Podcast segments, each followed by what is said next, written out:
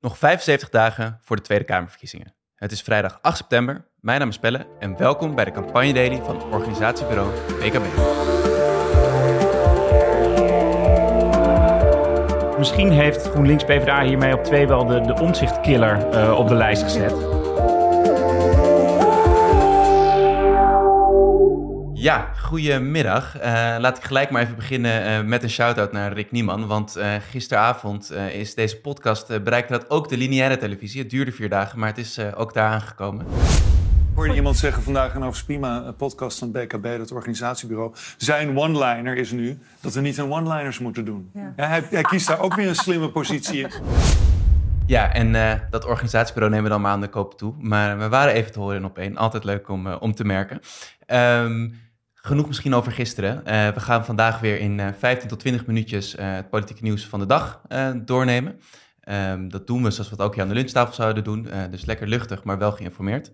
en dat doe ik niet alleen. Met vandaag wederom BKB-partner Bram Vesten te gast. Welkom Bram. Goedemiddag. Had je het kortste uh, lucifertje getrokken of uh, hoe zit dat? Je zit twee keer achter elkaar in de podcast. Ja, weet ook niet. Ik denk dat het gewoon is om mezelf wat beter te kunnen profileren hier.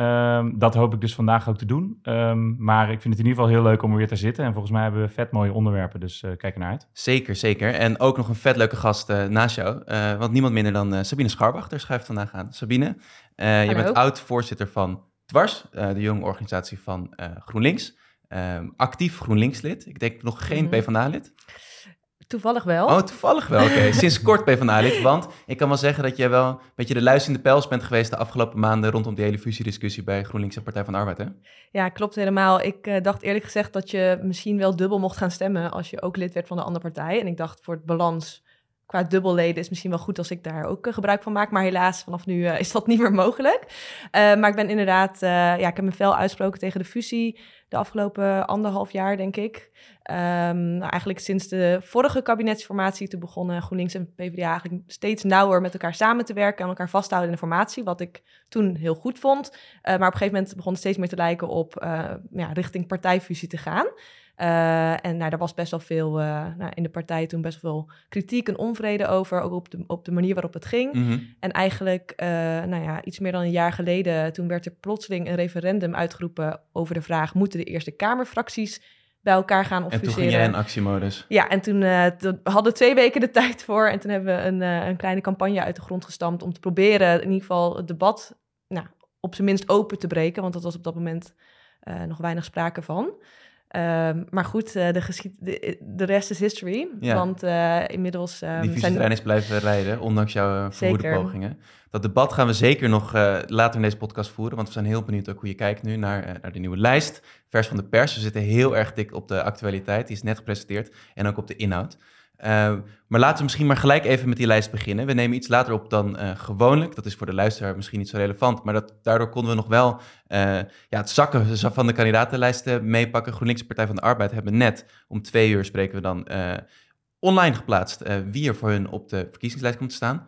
En dat was weer zonder, zonder groot hè Bram? Ja, ik denk normaal in de stijl van de podcast zouden we nu een filmpje laten zien. Ja. Of in ieder geval een fragment. Maar er is eigenlijk niks. Er is alleen een webpagina uh, wat tweetjes zag ik langskomen of wat x'jes. En voor de rest uh, blijft het angstvallig stil. Wat uh, denk ik ook wel in lijn is met hoe PvdA of GroenLinks PvdA zich nu een beetje in deze verkiezingen, in deze campagne opstellen. Want, ja, want ze waren heel zichtbaar hè, rondom die kandidaatstelling van Timmermans en fusie, Klaver. Ja, dat was allemaal nieuws, Al die nieuws, dingen, nieuws. was vast van alles, waren ze de hele tijd, domineerden ze dat nieuws. En het is eigenlijk sindsdien heel erg stil geworden. Mm. Um, het, het partijprogramma is gepresenteerd eigenlijk ook uh, gewoon maar online gezet. ja. ja. Uh, deze lijst nu ook. Dus dat roept wel de vraag op. Ja, ik zou het bijna willen roepen: waar, waar is Frans? Ja. Uh, want waar zien we hem? Hij is ja. nog niet aangeschoven in de talkshow. Hij heeft nog weinig publieke optredens verder gedaan. Um, je kan speculeren, je hoort geruchten. Is het omdat ze hun kruid droog aan het houden zijn voor de campagne? Dus mm. gaan ze het langzaam opvoeren, dat ze eerst een beetje de andere partijen laten uitrazen? Is het toch dat hij overhoop ligt misschien met verschillende redacties? Ja, dat, dat hoor je wel een beetje achter de schermen. Hè? Dat het lastig gaat om oh. hem, hem goed te positioneren. Of Misschien moet hij wel gewoon even wennen. Ja, um, ik begreep wel, Sabine, hij is wel binnen, binnen soort van met partijleden, uh, is hij wel aan de gang in het land, kleine bijeenkomsten. Met partijleden, voor zover ik weet niet, maar hij schijnt wel het land uh, in te trekken om met uh, gewone Nederlanders, whatever that is, te praten. In ieder geval, dat is uh, wat de geruchtenmolen zegt. Maar uh, ik heb verder ook niet veel meer informatie over. Ik heb wel twee theorieën. Uh, we hadden natuurlijk deze week ook het programma dat uitkwam. En ik mhm. denk dat daar wel een aantal nou ja, één, in ieder geval één heel groot controversieel punt in staat over migratie. En dat nou, de kandidatenlijst volgt daar heel snel op. Ik kan me voorstellen dat ze geen zin hebben om nu al daar heel inhoudelijk op in te gaan. Ja. Uh, andere wat kan zijn, is dat omdat het dus een, ja, niet eens een partijfusie is, maar allemaal een best wel nieuw proces voor de beide partijen, dat ze zoiets hebben van, hey, voordat het congres daarover is gegaan, uh, willen we niet te veel bombardie maken, want dan voelt het misschien nog meer top-down dan het al voelde voor veel leden. Ja, maar, uh, interessant. Dus dat is dan wel weer die partijdynamiek zou daar een verklaring voor zijn. Maar campagnemaat is natuurlijk vreemd dat we Frans weinig, uh, weinig hebben gezien. Maar sinds vandaag hoeft hij dat uh, PvdA GroenLinks verhaal niet meer eens eentje te vertellen. Er zijn 45 kandidaat-Kamerleden gepresenteerd vandaag. Er is ook al een mooie foto geplaatst. Daar hebben we net nog even naar zitten kijken. Wat vonden jullie van die eerste foto van, van deze nieuwe club? Zo, ik denk dat de BBB daar nog wel een puntje aan kan zuigen qua professioneel amateurisme. Ja. Um, volgens mij gaan we hem ook plaatsen in de show notes. Zeker in de show notes plaatsen, foto, absoluut. Maar het is een soort fabriekshal waarbij ik meer uh, plafond zie dan, uh, dan mensen. Mm. Uh, en ze staan allemaal in een soort rij met elkaar. Sommige mensen zijn wel een beetje voorbereid. Waarschijnlijk verteld dat er een foto genomen wordt. Maar anderen ja. lijken een beetje verrast. Ik vind het een hele interessante manier ja, om zo je lijst te presenteren. Het is een klassieker nu, denk ja. ik Maar het was op de Facebook van Frans of was het ook officieel? Ja, ja op, op zijn okay. X, ja, Twitter. Maar ja, wel van hemzelf natuurlijk. Maar uh, ja. Werd hij, ik hoorde al... Nou, ik, toen ik hem net, uh, toen ik hem net zag, duurde het even voordat ik door had dat het van GroenLinks en PvdA was. Ook omdat de foto's van de losse kandidaten die op de site staan best wel uh, profi eruit zien. Zeker. Uh, dus ja, het verbaasde me wel ergens. Ja, nee, ik kan me voorstellen. Um, en laten we even naar die lijst gaan dan. Dat is natuurlijk interessant om, om ja, zeker als volgers en, en Sabine ook als partijlid te kijken wie erop staan. nieuwkomer Esma Lala op twee, wethouder uit Tilburg. Um, daarna komen veel meer gevestigde namen. Jesse Klaver staat op drie. En dan veel eigenlijk je huidige Tweede Kamerleden die de top 20 vullen. Dus eigenlijk elk Kamerlid dat door wilde heeft een plek gekregen in die top 20. Met daartussen nog een aantal nieuwkomers. Dus je ziet inderdaad dat op plek 6, nee, plek 5 heb je dan, Mariette Patijn. Ja, plek 6 is dat. Ja, daar zat een fout in de nummering ja. uh, van de site, maar nu hebben ze dat weer opgelost. Plek 6 is dat wel? Oké, okay, kijk, tip je daar voor de online mensen van GroenLinks PvdA, die werken daar vast ja. hard aan. Mariette Patijn, ja. interessant hè? Een, echt een dynastie die we eigenlijk nu terugzien op de ja, vertel eens meer dan. Nou, ja, ik zat ook even te denken, Patijn, we hebben die naam eerder gehoord. En haar vader zat, zat ook in de Kamer, Schelto Patijn. Mm -hmm. um, haar, een, de broer van, van haar vader ook, uh, Michiel Patijn voor de ja. VVD. Maar de opa van Marietta zat ook in de Kamer voor de PvdA. Dat is Connie Patijn. Oh, kijk. Uh, dus ja, uh, ik weet niet hoe dat zit met, uh, met baantjescarousel en dat soort dingen, wat je daarvan kan zeggen. Maar het is toch wel... Het is een aardige, aardige dynastie, kan je dan wel spreken. Drie, drie generaties op rij. Mocht iemand luisteren die de vierde weet, dan zijn we er heel erg uh, naar benieuwd. Dus uh, laat dat vooral achter in een reactie. Wij hebben hem nog in ieder geval niet gevonden, die dynastie. Zeker. En dat is een PvdA-nieuws nieuwkomer uit de FNV, de vakbeweging. Daar hebben ze natuurlijk ook lange traditie om politieke talenten te recruteren. Andere nieuwkomer op plek 14 uit, groen, uit de GroenLinks-gelederen, Geert Gabriels. Dat is echt een regionale GroenLinks-kandidaat, is Sabine? Ja, wat ik van hem weet is dat hij inderdaad nu gedeputeerd is in Limburg. En uh, ook vorige uh, Tweede Kamerlijst al uh, een plekje had. Mm -hmm. um, dus heel nieuw is Zo hij ook, ook niet. niet maar, maar, wel heel Limburgs We moeten wel bij zeggen dat wij vorige lijst, wat niet heel lang geleden was natuurlijk... Kouter en Senna al als nieuwkomers van buitenaf hadden... die het allebei volgens mij super doen. Dus die moet je ook niet meteen weer vervangen, nee. lijkt me. Nee, zeker. Maar dus wel echt een regionale kandidaat. En misschien nog even dan over hoe je zo'n lijst samenstelt. Want daar zitten natuurlijk ook overwegingen en, en strategische keuzes die ze daarin hebben gemaakt. Um, ja, kan ik het zo kort door de bocht zeggen, Bram? Als je Frans Timmermans op één zet, een oude witte man, dat je dan op twee sowieso een, een iets jongere vrouw en het liefst een vrouw van kleur zet? Zeker. Ja, het is een, ik denk dat het ook een onwijze puzzel is geweest. Ja. Want je hebt niet alleen dus een man-vrouw verhouding, maar ook een partij om en om verhouding die je wil uh, in stand wil houden, of in ieder geval redelijk in stand wil houden. Dus het is enorm zoeken. En daarnaast, mm. de PvdA is nog uit een traditie dat ze ook regionale spreiding heel erg willen. Dat nam soms hele rare vormen aan dat uh, potentieel Kamerleden echt gingen verhuizen om maar te zorgen dat er ook iemand op de lijst stond uit Friesland of uit Drenthe. Hè? Terwijl je denkt, ja, uh, zeg gewoon dat je in Amsterdam woont. Ja. Maar Ehm, dus, dus ik denk dat daar wel echt heel erg veel gezocht en geschoven is om, om te zoeken van ja, wie, uh, wie komt nou waar? En dat zie je denk ik ook wel terug in die lijst. Zeker. het voelt, ik vind het soms een beetje gekunsteld voelen. Dat ik denk, ja, zetten jullie nou iemand neer omdat jullie die echt goed vinden en, en, en vinden dat hij het verhaal goed kan vertellen? Of is het ook voor beeldvorming om te zorgen dat alle poppetjes die bij de fusie betrokken zijn uh, tevreden gehouden worden. En dat, dat straalt er wel een beetje tussendoor, vind ik soms. Nou, dat zullen we nooit helemaal weten, uh, hoe dat precies zit. Maar uh, wel interessant om met die blik ook naar zo'n lijst te kijken. Um, ik was wel benieuwd, Sabine Esmalala, dat is natuurlijk een nieuwkomer. relatief onbekend, in ieder geval geen Haagse ervaring nog. Heeft al enkele ja, media-optredens gemaakt de afgelopen jaren. Als wethouder in Tilburg mm heel erg veel bezig geweest met bestaanszekerheid. Heeft ook een maand in de bijstand geleefd om, om echt in te voelen en te ervaren hoe dat was. Uh, daar heeft ze veel aandacht mee gekregen. Kan jij ons iets meer misschien vertellen wie, wie zij is en waarom, waarom denk je dat GroenLinks haar zo hoog op de lijst heeft gezet? Um, nou, ik moet eerlijk zeggen dat ik dat uh, best wel een goede zet vind. Um, zeker met een voor de GroenLinks. Ik bekijk het natuurlijk als groen, inside GroenLinks GroenLinkser. Zeker. En uh, nou ja, toen Frans Timmermans werd aangekondigd, toen was het al heel snel van: oké, dan moet inderdaad die nummer twee een vrouw zijn, het liefst een vrouw van kleur.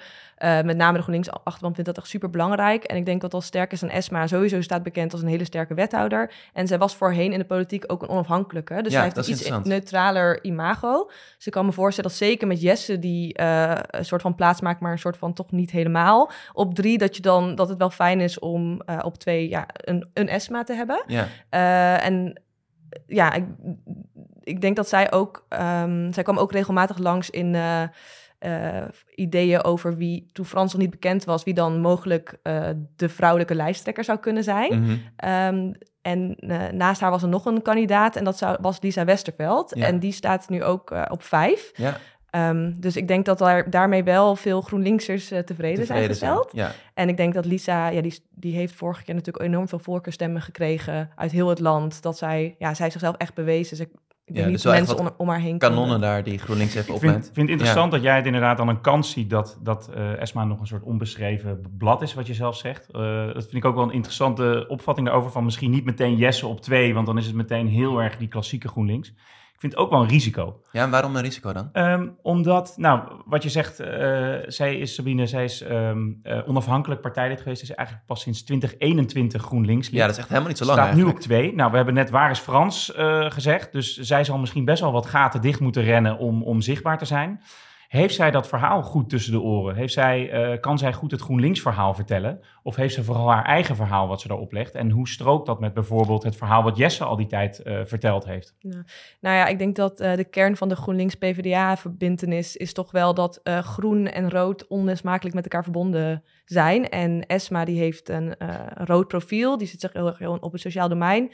En tegelijkertijd is ook GroenLinkser. Dus ze heeft ook een beetje die best of both worlds die uh, Frans Timmermans heeft als groene PvdA. Um, ehm, dus, dus ja, ik denk daar wel synergie daar aan de top van de lijst. Ja, zeker. Dus ja. Uh, ik denk dat, ja, eerlijk gezegd, ik ben, uh, ik zal het niet onder stoelen of banken schuiven dat ik niet meteen Frans uh, nummer één fan ben. maar in de huidige. Primeurtje hier in de podcast. ja, maar de huidige context is wel van als je die dan, ja, soort van fusie wil laten slagen, dat het best wel een slimme... Je had niemand anders kunnen kiezen dan Frans, denk ik. Met zijn uh, cv en senioriteit die hij uitstraalt, kan je best wel wat kiezers mee, uh, mee winnen. Ik denk dat een ESMA op één dat niet had gedaan. Ook, ja, het is toch wel... Uh, we leven toch wel in een land waar mensen toch afgaan op... wie is premier, ziet er premierwaardig uit? Mm -hmm. En dan veel mensen zien dan een, uh, een oude witte man voor zich. Ja. Uh, dus onder deze omstandigheden uh, vind ik het niet een heel slecht idee. Oké, okay, en zelfs, zelfs Sabine Scharwachter kan die pragmatische keuze dus vanuit de campagneperspectief in ieder geval wel volgen. Ja, ik ben super pragmatisch. Zelfs mijn antifusie-campagne was vanuit een heel pragmatisch oogpunt ja. eigenlijk. Want de misvatting is heel erg dat mensen die tegen de fusie zijn niet willen regeren of geen macht willen of vies zijn van macht. Mm -hmm. Maar ik denk dat iedereen die vies is van macht al lang niet meer bij GroenLinks zit. Die zijn al lang uh, naar Partij voor de Dieren zo vertrokken, bij één, ik weet het niet. Um, maar er zijn heel veel GroenLinksers die tegen fusies zijn, die wel geloven in dat regeren uh, als het kan, niet onder elke voorwaarde, wel belangrijk is om na te streven. Um, maar dat je dat misschien sneller bereikt als je juist bij je eigen verhaal blijft, juist bij een alternatief weet te bieden op de huidige macht.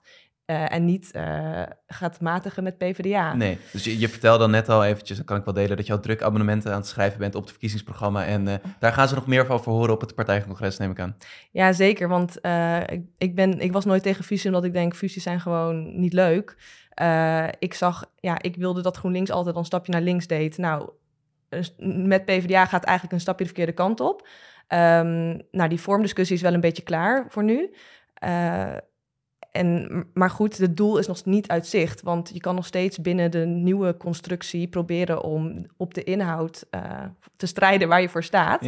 En ik geloof dat er uh, genoeg mensen zijn, misschien zijn ze niet allemaal meer lid van een van de partijen, maar genoeg mensen die wel het belangrijk vinden dat we nou, een partij hebben die uitgesproken groen, links en progressief is. En ook nog een, een enigszins regeringsbereid. Ja, en daar heb je met Esme Lala denk ik wel echt een goede. Want uh, ik las wat oude interviews van haar terug, waarin zij ook echt aangeeft op inhoud en ideeën. Uh, ja, te willen, te willen besturen. Hè? Als, als wethouder was dat toen. Uh, dus misschien heeft GroenLinks PvdA hiermee op twee wel de, de omzichtkiller uh, op de lijst gezet. Kijk. Uh, bestaanszekerheid ook hoog, Zeker, hoog in het vaandel. Um, op inhoud, op ideeën. Dus misschien is dit ook wel daardoor een hele slimme zet. Ik weet niet of ze er zo over na hebben gedacht. Maar dat kan ook wel echt interessante debatten opleveren. Zeker. We gaan het blijven volgen. Voordat we helemaal een GroenLinks Partij van de Arbeid podcast worden. Mhm. wil ik het graag namelijk ook hebben over misschien een iets minder sexy, nieuwswaardig onderwerp. Want dit was ook de week waarin de Tweede Kamer eh, sprak over het controversieel verklaren van verschillende onderwerpen. Uh, dat betekende dat ze, ja, het ging over het lot van honderden beleidsplannen en wetsvoorstellen die het demissionaire kabinet nog in had gediend, of die al in behandeling waren door een van de beide kamers. Um, en dat is gewoonte eigenlijk in Den Haag. Uh, um, dat ze dan beslissen over zaken, zodat het een demissionair kabinet niet over hun graf nog kan regeren en hele ingrijpende politieke besluiten kunnen nemen. Ja, best taaie materie, maar ook best relevant voor de campagne. En wat was nou zo opmerkelijk? Uh, er, gebeurde, ja, er gebeurde iets onverwachts deze week op dat vlak. Laten we heel veel luisteren naar Arjen Noorlander van Nieuwsuur. In Haags jargon controversieel verklaard. De besluitvorming kan niet doorgaan. Maar vandaag gebeurde ineens het tegenovergestelde. In de eerste debatten over die controversiële onderwerpen zeiden eigenlijk alle partijen over de meeste onderwerpen, zowel de oppositie als de coalitiepartijen, nou laten we maar gewoon doorgaan. Ja, er werd veel minder controversieel verklaard dan verwacht. Dus dat betekent dat de Kamer op best nog wat onderwerpen uh, nog best wel wat kan gaan doen uh, de komende tijd. Uh, zoals de spreidingswet hè, op, het, op het asielgebied, de stikstofwet, het klimaatbeleid. Allemaal ja, best wel politiek stekelige onderwerpen die nu niet controversieel zijn verklaard. Ja, ik, ik was wel benieuwd wie, wie heeft daar belang bij en waarom gebeurt dat nu? Ja, uh, het is interessant dat inderdaad uh, in deze warme week volgens mij er ook meer uh, dan ooit in kleine zaaltjes gezeten is om met commissies te vergaderen wat nou controversieel wordt verklaard. -hmm. Blijkbaar waren daar de coalitiepartijen in grote getalen aanwezig. Om ook te laten zien dat zij het heel belangrijk vinden dat het werk door kan gaan van de Kamer. Ja. Uh, Caroline van der Plas wijde er nog een tweet aan. Die zei nog nooit zoveel hoge opkomst gezien bij, uh, bij die commissievergaderingen. Ja, maar kan ik een beetje kort door de bocht zeggen dat is gewoon uh, stemvee om, om, om dat er doorheen te krijgen? Ja, dus daarbij kun je wel zien wie heeft daar profijt van. Ja, waarschijnlijk die, die coalitiepartijen die dat belangrijk vinden. Um, als je dat uh, ook bedenkt waarom, um, ik kan bijvoorbeeld wel voorstellen, nadat het kabinet gevallen is, was er meteen ook een discussie om die Zwarte Piet toe te schuiven. Hè? Wiens schuld is het dat het land nu stil ligt? Mm. Uh, is het de VVD, is het de ChristenUnie of is het toch D66? En dat ze hiermee ook al willen laten zien van, hé, hey, wij, gaan, wij willen niet die schuld krijgen dat er nu dingen stil liggen. Dus laten we vooral zoveel mogelijk doorgaan met het werk. Dan kan niemand ons kwalijk nemen dat wij uh, ons partijbelang boven het landsbelang hebben gesteld en dat we dat niet in de verkiezingen terug gaan krijgen. Ja. Zeker. En, en tegelijkertijd uh, zie je ook dat doordat deze onderwerpen niet controversieel verklaard zijn, dat de Tweede Kamer hier nog over gaat spreken, gaat debatteren. De minister kan allemaal voorstellen gaan doen. Ik kan me ook voorstellen dat dat misschien voor, voor Kamerfracties zoals de VVD op de spreidingswet, uh, Sabine, misschien ook nog wel wat ruimte geeft om je te profileren in zo'n campagne. Ja, de, ik, ben, ik was eigenlijk wel verrast dat de spreidingswet niet uh, controversieel is verklaard. Omdat mm. het natuurlijk het thema is waar de VVD ook het kabinet op heeft laten vallen. Ja. Um, maar goed, ik denk eigenlijk, ja, ik denk persoonlijk dat de VVD het hele kabinet heeft laten vallen, vooral om, ja, om campagnematige redenen. En, uh, Zeker, dus dan zou je kunnen zeggen, het is een overweging dat, we, dat we nog gaan behandelen en er is geen steun voor in de, in de meerderheid van de Kamer. Dus dan, dan kunnen die VVD'ers weer wat boute uitspraken doen daarover. Ja, ja en, maar misschien biedt het ook alweer meer ruimte, want uh, lang, ja, dat, uh, de coalitie was het duidelijk er niet mee eens, de rest van de coalitie. Dus misschien dat het juist weer kansen biedt, dat het wel de goede kant op gaat. maar tegelijkertijd ben ik er ook wel huiverig over, omdat nou ja, kom ik toch weer een beetje terug op GroenLinks PvdA. Maar in hun programma was migratie uh, eigenlijk de meest teleurstellende paragraaf. Mm. ze gingen heel erg mee in de VVD-retoriek. Um, dus dan vraag ik me wel af van... Grip op migratie, grip op migratie. Gezegd, ze hadden het over overlastgevers uh, en allerlei uh, voorstellen voor uitruil... voor echte vluchtelingen en mensen ja, die er zogenaamd meer recht op hebben dan anderen... Um, dan vraag ik me wel af, als dit debat ook in de Kamer voortgezet gaat worden, ja, wie gaat dan het alternatief tegenover de VVD echt presenteren? Of gaan we, uh, ja, uh, wordt het een soort van vage koehandel over migranten, waar dan de zogenaamde linkse oppositie iets uh, humaner in staat, maar wel alleen voor echte migranten. Ja, ik vind het gewoon echt heel kwalijk dat in Nederland migranten een, uh, niet eens een tweederangs burger zijn. Dus er, wordt, er is een soort van statussegregatie. Um, en dat, ja, daar gaat GroenLinks en PvdA gaan daar nu echt volledig mee interessant. Dus dat je ziet dat ook zo'n niet controversieel verklaren dat debat kan ook iets zijn, juist voor de VVD, wat ze neerleggen. Vinden jullie er maar wat van en kijken hoe het uitspeelt? Ja, dat is, als je cynisch bent, dan, dan, dan zeg je natuurlijk, het is niet controversieel uh, uh, verklaard, omdat ze er dan nog lekker ellenlang over kunnen debatteren en statements kunnen maken die opgepikt worden door de media. Mhm. Positief zou je kunnen zeggen, hopelijk zien partijen ook wel dat er bepaalde issues nu zo dringend zijn. Uh, klimaat, stikstof. Uh, dat ze zeggen, ja, als we dat nu in de ijskast stoppen, dan, uh, dan verliezen we echt kostbare tijd. Dus ik hoop, ik ga wel een beetje uit van het positieve, maar verwacht wel dat partijen hier zeker gebruik van gaan maken in de campagnetijd. Zeker. Nou, laten we met die positieve noot dit onderwerpje afsluiten. Misschien nog even vooruitblikken zo op de vrijdagmiddag naar het weekend. want vanaf morgen gaat Extinction Rebellion elke dag de A12 in Den Haag blokkeren. dat doen ze totdat alle fossiele subsidies worden afgeschaft best wel even een ding. Eh, tot en met, uh, zolang uh, je maar wil blokkeren, zeg maar, totdat je je zin krijgt. en XR is natuurlijk lang niet de enige actiegroep die zich nog richting 22 november gaat roeren en het debat gaat proberen te verschuiven. Um, zie jij nog andere groepen, Sabine, die actief zijn en waarvan je nog de komende tijd iets verwacht op dat vlak?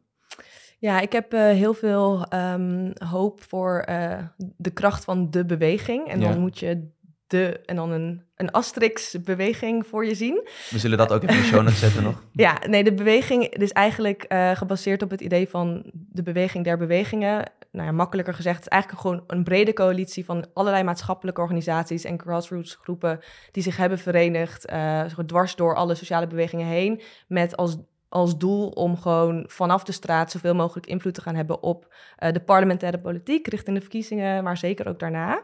Uh, ja, dat stemt mij heel hoop, omdat ik denk dat het heel belangrijk is voor links dat er uh, ook veel maatschappelijke druk wordt toegevoegd, omdat nou ja, de echte verandering, historisch gezien, komt ook eigenlijk vanaf de straat. Ja.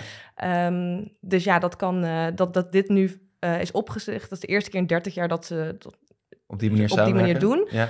Um, dus dat is wel heel bijzonder. En in potentie kan dat heel invloedrijk zijn, ja. Interessant. En dat is meer aan de linkerzijde. We gaan natuurlijk mhm. ook aan de andere zijde uh, misschien nog boerenbelangenorganisaties zien. Nou, het is interessant dat je... Kijk, in verkiezingen, we hebben het er nu over dat uh, politieke partijen razendsnel hun campagnes hebben moeten opstarten. Maar mhm.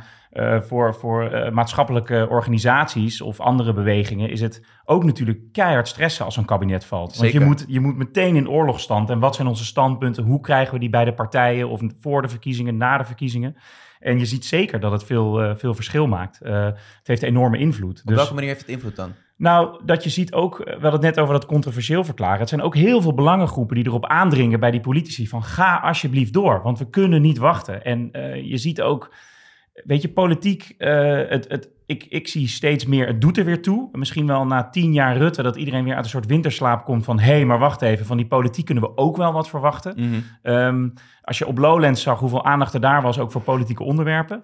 Dus ik denk, ja, eh, er ligt gewoon een heel groot potentieel... om vanuit, vanaf de straat inderdaad invloed te gaan hebben op, uh, op die politieke partijen en op die verkiezingsuitslag. Nou, we gaan kijken uh, hoe dat er zaterdag in Den Haag aan toe gaat. En we gaan zeker ook dat maatschappelijke omveld in de gaten houden was hem voor vandaag. Heel erg bedankt uh, dat jullie hebben geluisterd naar deze eerste week van de campagne Heel erg bedankt aan Bram en Sabine dat jullie met ons uh, de week wilden afsluiten. En uh, wij zijn er weer op maandag. Tot maandag en een fijn weekend. En vergeet trouwens nog niet, voordat het weekend helemaal begonnen is, om nog even op abonneer te klikken. daar worden wij heel erg blij van. Fijn weekend.